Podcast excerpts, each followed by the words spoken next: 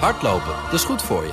En Nationale Nederlanden helpt je daar graag bij. Bijvoorbeeld met onze digitale NN Running Coach... die antwoord geeft op al je hardloopvragen. Dus, kom ook in beweging. Onze support heb je. Kijk op nn.nl slash hardlopen. Dit is een BNR-podcast. Terwijl de wereld nog niet omkeek naar Oost-Europa, deed BNR Perestrooikast dat wel. Want vijf jaar terug zag onze podcast het levenslicht. Ons eerste lustrum vieren op 12 februari in Den Haag in samenwerking met het Haags College. Met gasten als Kiesje Hekster en Bob Deen en een echte perestrooiquiz. Kijk op de site van het Haags College voor info en de kaartverkoop. BNR Perestrooikast live. Kom langs. Paka. Ajeto. Volt op vrijdag. Geert-Jan Haan. Welkom bij Volt op vrijdag. Vrijdag 9 februari 2024. Nog vier maanden te gaan tot de Europese verkiezingen. En daar doet Volt aan mee. De enige pan-Europese partij van Nederland die probeert door te breken. En deze aflevering weer met Marieke Koekoek. Ik zit in jouw fractiekamer. Wat een gezellig hok is dit. dat zeg je wel goed, ja. Het is een beetje een hok. Nou, we hebben net uitgepakt. We zijn uh, als Tweede Kamer uh, helemaal door elkaar gehusseld. We zijn van de 60 naar de 50 gegaan. Uh, en ik gisteren toevallig alle boeken kunnen neerzetten en de kindertekening kunnen ophangen en zo. Dus het is inmiddels wel weer gezellig. De plantjes ook uitgepakt. Ja, die... Oh, de kindertekeningen zitten achterbij. Ik zag hem even niet. Ja, die is van Amelia. Dit is uh, ja, kunst. Uh, er hangen nog meer in de muur, maar dat is eigenlijk wel een meest waardevolle kunststuk. Wat een luxe dat je een eigen kamer hebt. Ja, het is heel luxe. Het is ook wel lekker, want je kan uh, goed overleggen. Hè? Je kan hier net met twee, drie mensen kan je goed zitten. Dus dat is heel prettig. maar ook wel heel erg luxe, ja. Vind je nou lekkerder om hier te werken of thuis? Oeh. Nou, kijk, ik ben, als ik iets moet lezen, dan zit ik liever thuis. Um, maar als ik iets moet regelen of bellen, dan liever hier. En eigenlijk doe ik dat tweede nu meer dan uh, door de week. En dat andere, dat, dat lezen en zo doe ik in het weekend. Uh, dus dat gaat wel goed. Maar kijk, als ik, als ik thuis werk, dan komt er geregeld nog wel een klein kind binnenrennen. Dus dan um, is het niet zo handig als je net in een, in een call zit met acht mensen. Ik uh, zie het helemaal voor me. We gaan het zo even hebben over ja, vier maanden tot de Europese verkiezingen. nog even terugblikken op het, het congres in januari waar jij ook bij was. Maar ik denk dat we toch even moeten beginnen met gewoon ja, de dossiers die nu spelen. Waar ben jij druk mee geweest deze week? Nou, met name met uh, landbouw. Vorige week was de landbouwbegroting in Nederland. Uh, maar ja, dat zal niemand ontgaan zijn. Er was natuurlijk ook heel veel protest in verschillende landen in Europa.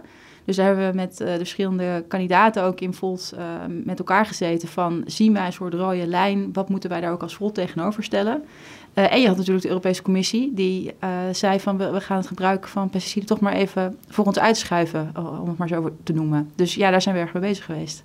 Ja, want het pesticidenplan en de hele bestrijdingsmiddelenwet eh, werd door Ursula von der Leyen genoemd als symbool van polarisatie. En in het Europees Parlement was er uh, in november geen draagvlak voor, werd het niet, werd er niet voorgestemd. Toen ging het eigenlijk weer terug naar de commissie en de commissie is er niet uitgekomen. Of de lidstaten zijn er ook niet uitgekomen, moet ik zeggen. Het ging naar de raad. En de lidstaten, die, um, sommigen wilden wel, anderen kon tegen de krip. En het was dus eigenlijk, het was dus eigenlijk al een, een een kansloze missie. En Ursula von der Leyen dacht van, nou, dit gooi ik over de schutting, want uh, dit, dit wordt toch niks meer. En dan krijg ik weer stemmen. Ja, ik probeer het even in sneltreinvaart samen te vatten.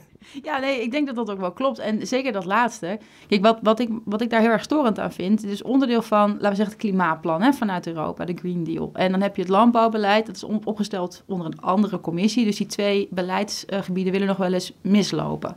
En dat pesticidenverhaal, dat werd dus echt het symbool van... ja, zie je, die klimaatagenda van de EU, die zit de boeren dwars. En om dan dat op te geven... Ik denk dat het uh, niet verstandig is, want pesticiden zijn heel schadelijk voor de menselijke gezondheid, uh, voor de gezondheid van de bodem. Dus het is echt wel wetenschappelijk bewijs dat je het niet moet gebruiken op de manier waarop we het nu doen. Maar daarnaast denk ik dat het niet goed is als jij als Europese Commissie communiceert. Als jullie maar genoeg uh, nou ja, pleinen bezetten, dan gaan wij reageren op jullie zorgen. Je moet vooraf praten en je moet vooraf zorgen ophalen, maar niet op het moment dat uh, protesten echt escaleren in uh, vandalisme en intimidatie, dan gaan toegeven. Want dan geef je het signaal uh, wat eigenlijk verkeerd is, vind ik. Namelijk op het moment dat jij gaat intimideren als groep, dan luisteren we naar je. Wat is nu een uitweg uit deze polarisatie, zonder dat we allerlei plannen gelijk in de shredder gooien? Hoe kijk je hier naar?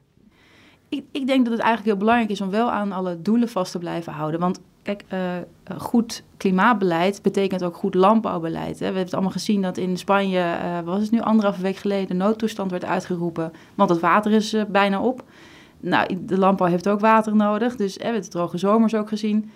Um, ik denk dat het heel belangrijk is als je blijft communiceren, klimaat is landbouw. En als je naar het landbouwbudget kijkt, hoe het wordt uitgegeven, dat is nu heel vaak aan de uh, oude industrie, om maar zo even te zeggen. Terwijl je wat je wil stimuleren zijn de, zeg maar de, bio de biologische boeren en uh, de duurzame landbouw.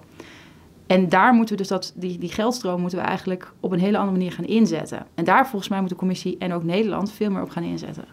Maar jullie hebben gekeken de afgelopen twee weken naar wat zijn nou de de problemen in, in alle Europese landen waar jullie ook uh, vertegenwoordigd zijn. Dus je kan heel makkelijk bij collega's informatie opvragen uit eerste hand. Wat zijn nou de gemene delers? Wat zijn nou de, de, de, de problemen die je het vaakst hoort terugkomen? Want wat ik hoor is ook bijvoorbeeld administratieve lasten, is ook inflatie. In een aantal landen aan de oostgrens is dat, ja, uh, door Rusland mag er van alles niks meer en dat raakt ons. Uh, noem er nog eens een paar. Nou, bijvoorbeeld in Griekenland is, er, zijn er overstromingen geweest. Um, daar is compensatie beloofd en dat wordt dan niet uh, geleverd. Uh, nou, in Duitsland was het natuurlijk de, de brandstof en de accijns. Um, dus je ziet eigenlijk volgens mij overal is een soort andere aanleiding. Maar de rode draad die daar doorheen loopt, dat is de, uh, het, het gevoel van er wordt iets beloofd en er wordt niet geleverd. En dat is continu richting de landbouw. En daar zit denk ik wel wat in. We hebben ook best wel zwabberend beleid gehad, zowel op Europees als Nederlands niveau. Uh, en dat kan je niet oplossen door weer te gaan zwabberen. Dus daarom zeg ik, ik vind het belangrijk dat we aan die doelen vasthouden. En op het moment dat je dat doet, kan je ook zeggen, ik heb een doel, uh, daar ga ik geld tegenover zetten. Uh, en dan ga ik bijvoorbeeld ook een duurzame markt stimuleren door prijsafspraken te maken. Dan ga ik biologisch boeren stimuleren door meer van die, uh, die dus die, ecologische subsidies uit te geven. En dan ga je weer perspectief bieden. Maar als je continu zegt, oh, er is groot protest, uh, daar ga ik op reageren door de normen te veranderen. Ja, dan kan geen enkel uh, ondernemer, en dus ook landbouwers niet, die kunnen daar niet op reageren. En ik denk dat daar uh, het probleem wel zit. Ik vond het interessant om jou vorige week bij Op1 te zien, samen met René Kemp heet hij geloof ik. Bart Kemp. Bart Kemp van Agractie. hij, hij stapt uit die, uit die organisatie, in ieder geval als, als, als zichtbare actievoerder. En ik zat vooral te letten op dat gesprek aan tafel met of jullie elkaar konden, konden vinden in dat gesprek. En ik had toch het gevoel dat jullie langs elkaar heen aan het praten waren. Dat jullie wel allebei eigenlijk elkaar wilden begrijpen. Maar dat als jij begon over een oplossing met perspectief. waarbij het woord duurzaam eco natuur viel. dat hij al gelijk in een reflex zat. Uh, zo van mevrouw Koekoek. We moeten nog een stap terug. We moeten eerst zorgen dat we weer betaald worden, waardoor het wantrouwen met die overheid verdwijnt. En dan pas kunnen we vooruitkijken naar hoe maken we het allemaal duurzamer. Ook wij willen water hebben. Hij was eigenlijk nog niet toe aan de oplossingen die jij voor ogen hebt.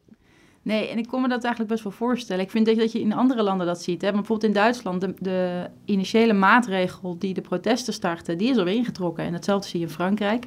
Hetzelfde zie je dus nu eigenlijk nu bij de Europese Commissie. En die protesten gaan wel door. Dus ik kan me ook ergens op menselijk niveau heel goed voorstellen dat als jij continu beloftes voorgeschoteld krijgt, er wordt niet op geleverd, uh, dat je dan niet meer blij bent met gewoon praten. Dus ik kan me eigenlijk wel voorstellen dat nu gezegd wordt, laat maar zien dan. Um, en ik ben het er ook wel mee eens, boeren kunnen nu niet uh, leven zonder subsidie. Dus er is een ongelooflijke afhankelijkheid. Dat is ongezond. Dus je moet ervoor zorgen, en daar moet je als overheid, uh, zeker ook als nationale overheid, uh, leiding in geven. Dat je zegt, op het moment dat jij duurzaam produceert, dan is er ook een markt met consumenten die jouw producten kopen. En dat is nu niet. De biologische melk naast niet-biologische melk. Meestal ga je dan voor de goedkopere versie. dus daarin ben ik het helemaal met ze eens. Alleen dat uh, die, die volgordelijkheid, ja, die, um, ik zie het hand in hand gaan. Dus ik zie dat niet als je moet eerst zorgen dat er een goed verdienmodel is. Want het, het goede verdienmodel, uh, dat zit in die nieuwe toekomst als het ware. Dat zit in die duurzame landbouw. Uh, het oude verdienmodel gaat, zit heel erg op groter worden, intensivering en, en, en steeds maar meer produceren. Dus daar kan ik niet als, vind ik, als overheid van zeggen van nou dat heeft nog een lang leven, daar ga ik in investeren. Dus dan moet je in iets nieuws gaan investeren, dat is per definitie groen. En daar moet je dan mee kunnen verdienen. Maar, maar denk je niet dat als jij een gesprek hebt met iemand uh, van de boerensector die nog niet zo ver kan denken, uh, uh, zo van ik moet toch iets meer um, begrip hebben of iets meer meegaan met, met de problemen die zij op dit moment ervaren. Namelijk geen vertrouwen in de overheid, want de overheid betaalt niet uit. Um, allerlei regels die telkens maar worden aangepast. Heb je net geïnvesteerd in een enorme ammoniakinstallatie en dan uh, moet dat weer worden aangepast? Zou je niet soms denken, ik moet ook iets meer een stap terugdenken en dan pas kan ik ze bij de hand nemen, omdat jij zegt het gaat hand in hand. Maar je kan ook een stap terug en dan samen vooruit. Ja, maar ik denk eigenlijk wel die, in die zin die stap terug, de erkenning, uh, terechte erkenning, dat je onvoldoende betaald krijgt voor heel hard werken. Uh, en dat je eigenlijk steeds een beetje voor het lapje gehouden wordt met of uh, ja, dingen mogen wel en dan mogen ze ineens niet meer van de rechter. En dan moet je van stellen sprongjes anders gaan doen. Of dingen uh, kunnen nog even worden uitgesteld, hè, zoals met mest. Zo van, nou, je hoeft je niet aan te passen, want een uitzondering. Ik vind dat gewoon wanbeleid vanuit een overheid. Um, en ik denk dat die, die, erkenning is er. Die zie ik nu ook bijvoorbeeld bij het huidige ministerie van Landbouw. die zie ik wel. Alleen, dan zeg ik wel, dan moet je het dus beter gaan doen. Dus dan moet je niet meer gaan zwabberen met je doelen. Uh, en dan begrijp ik het wantrouwen, maar tegelijkertijd denk ik, ja, het, het moet dan een beetje toch ook, moet je zeggen, over, uh, over het verleden heen kunnen stappen met elkaar, vrees ik. Omdat er niks in die zin op te los valt. Kijk, sommige mensen kun je compenseren. Bijvoorbeeld hè, dat, het grote pasmeldersverhaal. Dat moet je ook doen. Um, maar het valt niet helemaal goed te maken wat we misgedaan hebben, denk ik omdat je heel lang uh, mensen een beetje aan het lijntje hebt gehouden. En die, maar die erkenning, uh, die is er wel. Ik hoor niemand hier zeggen, oh, boerenprotesten, nou, dat is echt totale onzin. Ik hoor wel terecht, en dat zeg ik ook, op het moment dat jouw protest wordt overgenomen door extreem rechts... en je, uh, je gaat naar vandalisme en intimidatie toe, dan is het fout. Maar het feit dat je nu als boeren voelt dat je met rug tegen de muur staat, dat is helemaal terecht. Nou, maar je wil ook meedenken in, in de zin van dat uh, bepaalde problemen ook Nederlandse problemen zijn, veroorzaakt door Nederlands beleid, Nederlandse overheid. Uh, en dan willen jullie ook aangeven, uh, Brussel is niet alleen maar de boeman, maar zorgt ook voor oplossingen. Hè? De afhankelijkheid van subsidies is, is, een, is een labmiddel. Maar goed, is ook wel iets wat Brussel levert. Dus nou ja, Br Brussel is niet in alles vervelend. Alleen, dan komt er dus een een voorzitter van de commissie die aangeeft: ja, we hebben een wet, maar na een week demonstreren gooien we dat toch over de schutting. Dan snap ik wel. Zij, zij ziet dat, Von der Leyen ziet dat als een manier om de relatie te herstellen. Maar je kunt ook zeggen: ja, uh, Brussel eh, bepaalt weer eventjes uh, uh, wat er moet gebeuren met de boeren. Dus ja. je kan het ook op die manier weer zien. Nou ja, en het was kennelijk niet zo belangrijk, want anders ging het niet al zo makkelijk de deur uit. Dus ik vind dat je heel erg het signaal zendt als Europese Commissie... dat je inderdaad met beleid bezig bent wat helemaal niet zo noodzakelijk is. Want um, ja, een week protesteren en, en dan kan het ineens wel. Dus daarom vind ik het een verkeerd signaal. Kijk, je kan wel van tevoren, denk ik uh, en daar zit een soort weeffout dat je een andere commissie, Europese commissie hebt hè, met dat klimaatbeleid dan het landbouwbeleid. Daar zit een enorme weeffout. Als je nou van tevoren, voordat je dingen gaat voorstellen, daarop uh, in kan spelen, dan ben je goed bezig. Maar op het moment dat het er ligt en er zijn enorme protesten en je gaat dan na een week zeggen, oh nee, sorry, uh, toch maar niet. Mm -hmm. Dan geef je alleen maar het signaal dat je toch misschien niet zo handig bezig bent als Europese Commissie. Of dat het toch allemaal niet zo heel belangrijk is. En dat is het, ik bedoel, dat weten we. Pesticidengebruik is niet goed voor je. Hoe zouden ze in Brussel kijken naar onze formatie? Als ze dat al doen, eerlijk gezegd. ik vraag me heel erg af, zeker met deze week van uh, Twitter-democratie, of ze dat uh, nog interessant vinden. Um, ik denk dat ze wel heel goed opletten hoe ga je uiteindelijk om met, met de politieke breekpunten. Dingen die moeilijk zijn hier, die zijn in Europa moeilijk. Hè? As, asiel, migratie, landbouw. Um, dat zijn zaken, ook de defensie trouwens, dat zijn zaken die gewoon overal spelen. Dus daar zullen ze het wel willen afkijken van hoe overbrug je dan die verschillen. Tegelijkertijd denk ik dat ze dus ook niet zo heel erg geïnteresseerd zijn in wat hier op de Haagse Postweg gebeurt. Nu hoor ik allerlei uh, uh, politici in Nederland die niet aan de formatietafel zitten zeggen van ja, weet je, het initiatief uh, ligt bij Wilders, want hij is de grootste. Hè? Jette, Bontebal, uh, Timmermans zeggen allemaal van nou, hij is nog steeds aan zet. Maar ik kan me niet voorstellen dat, dat jullie uh, niet onderling toch denken van ja, nou misschien uh, krijgt Nederland nu toch een, uh, meer een middenkabinet of een linksmiddenkabinet. Misschien dat die poging uh, nu toch de moeite waard is. Want je zit hier om, om het Nederland te vertegenwoordigen. Je hebt campagne gevoerd op jouw idealen. Dan kan je wel zeggen van ja, het initiatief ligt bij Wilders. Maar hallo, een keertje mislukt, nu zijn wij misschien aan de beurt. Ja, maar dan moet het wel eerst echt mislukken. En daar zit denk ik de crux. Kijk, op het moment dat je uh, iets af kan sluiten en, en dat je dus van vier partijen in dit geval hoort, nou hier ging het mis, dan kan je zeggen het is mislukt. En dan moet Wilders ook erkennen, oké, het initiatief kan niet meer bij mij liggen, want ik kan niks anders meer. Maar voordat je bij dat moment bent, vind ik het eigenlijk heel logisch en ook democratisch om te zeggen, ja, het initiatief ligt bij de grootste partij, dat is hier de traditie. Uh, en dat, het is ook wel logisch dat hij bij de grootste partij ligt. Dus zolang die nog vindt dat hij een initiatief uh, ergens ziet en een mogelijkheid ergens ziet, moeten die ook pakken. Dus daar, daarom, en dat vind ik eigenlijk wel goed, dat we daarin rustig nog wachten wat gebeurt er in het weekend. Want ook hè, NSC, uh, middels uh, Pieter Omzicht, heeft nog niet gezegd, ik ben helemaal klaar ermee. Ik moet eerlijk zeggen, ik vind het vreselijk onduidelijk worden. Um, dus daarin denk ik, doe maar even rustig afwachten, ook hoe dat debat straks gaat. En welke ideeën er dan nog op tafel worden gelegd.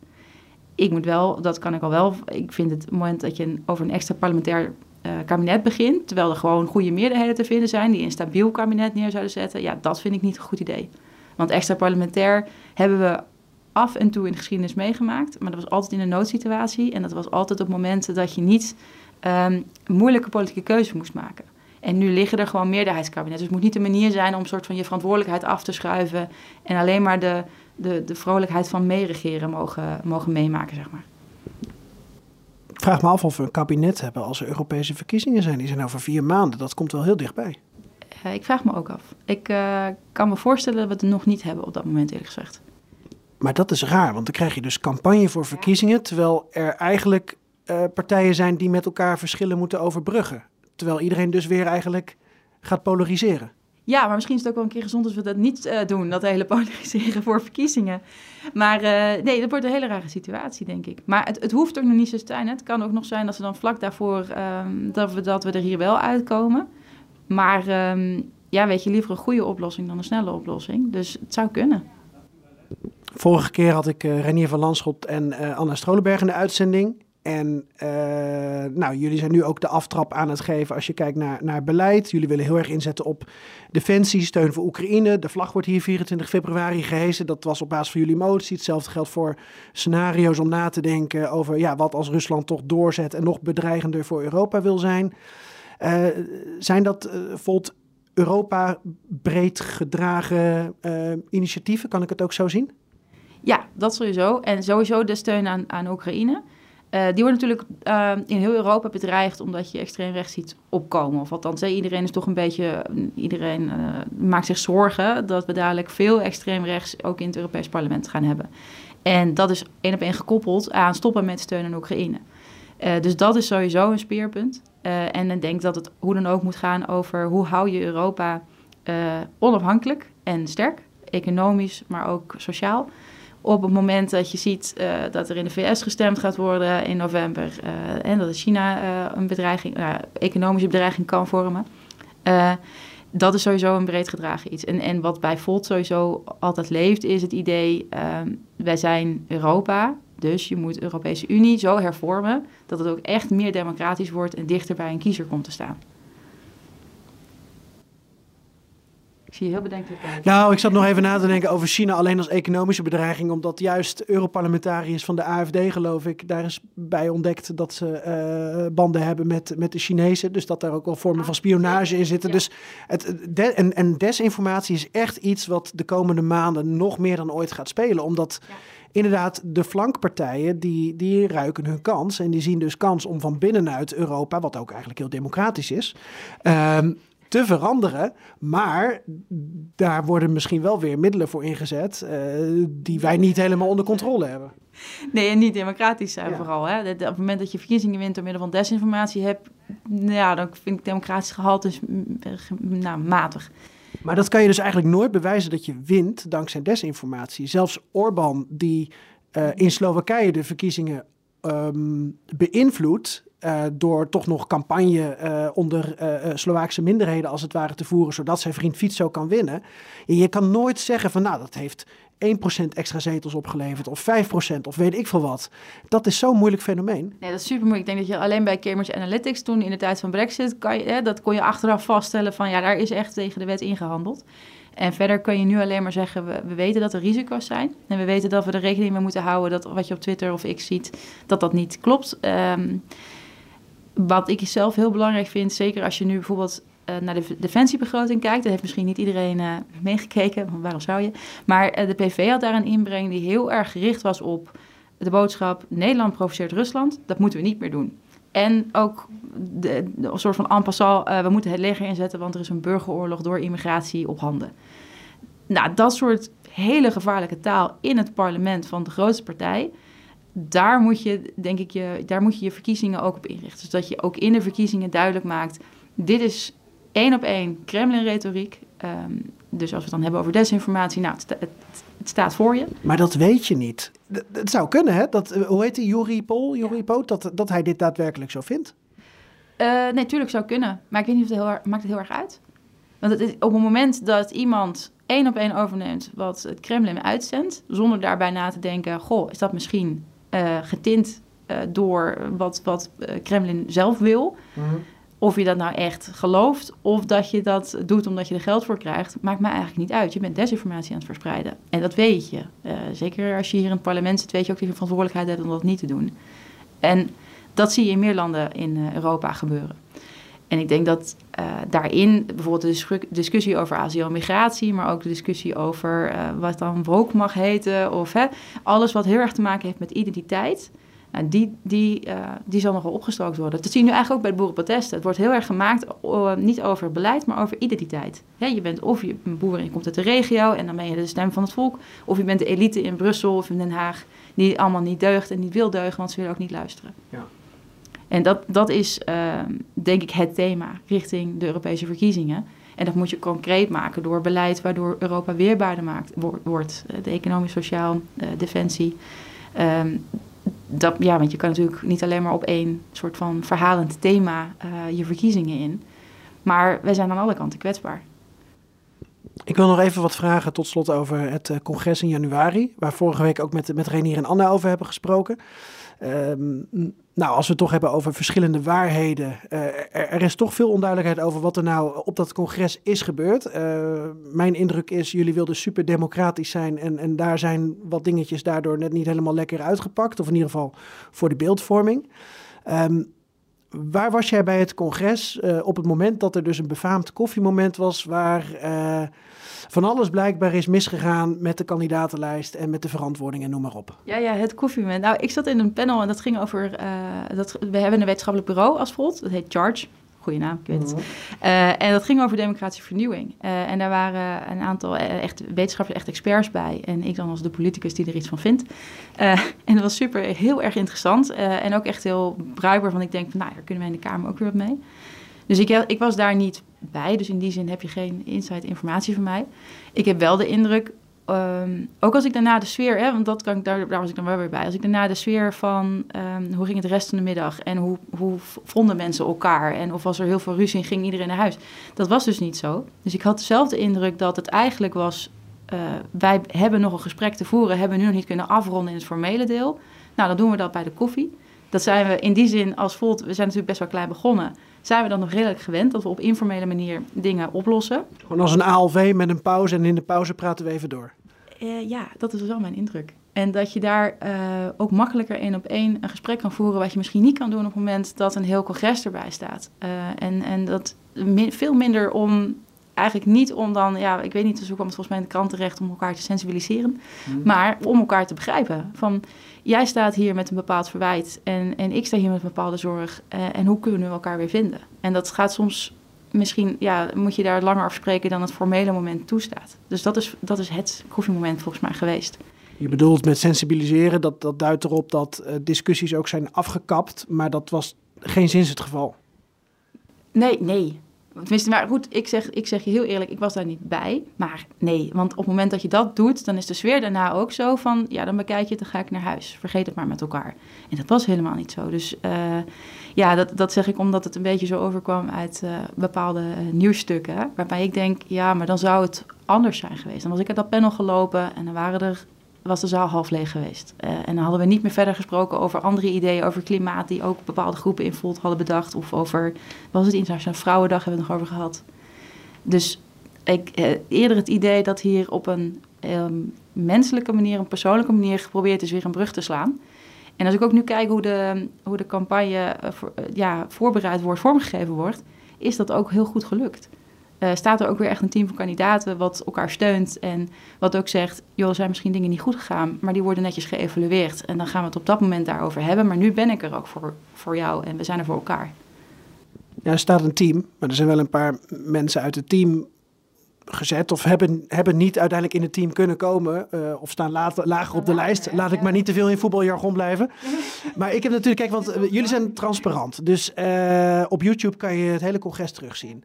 En dan zie ik ook inderdaad dat er discussies zijn. Maar ja, je zal maar op positie 2 staan en dan naar positie 6 gaan. Terwijl er wordt gezegd, je bent even geschikt. Dat is natuurlijk ook een hele vervelende boodschap. En los dat maar op. Nee, maar absoluut, het is ook vervelend. Is, eh zal ik er ook meteen bij zeggen, ook een klein beetje onderdeel van hoe je een lijst moet samenstellen. Je, ik heb dat zelf ook gehad. Eh, ik sta, eh, oké, ik zit nu in de kamer, maar ik stond op plek 2.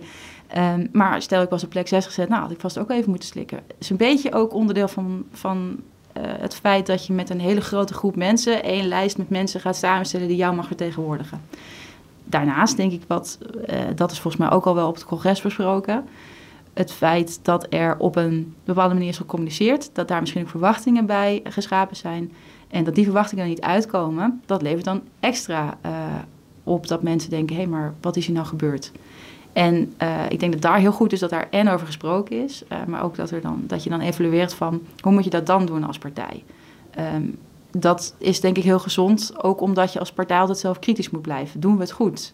Ehm, en, en zorgen we ervoor dat de mensen die kunnen opbloeien, ook echt opbloeien. Want dat wil je uiteindelijk. Je wil de, de beste kandidaten op je lijst hebben staan. En je wil ook een team van kandidaten samenstellen wat elkaar goed aanvult. Hè? Op, op eh, wat je weet, wat je, wat je expertise is, maar ook op wat je, hoe oud je bent, waar je vandaan komt. Gewoon omdat je eh, feit wie jij bent, zeg maar, sch- schept heel erg hoe je kijkt naar de wereld. En je wil een heel diverse blik op die lijst hebben.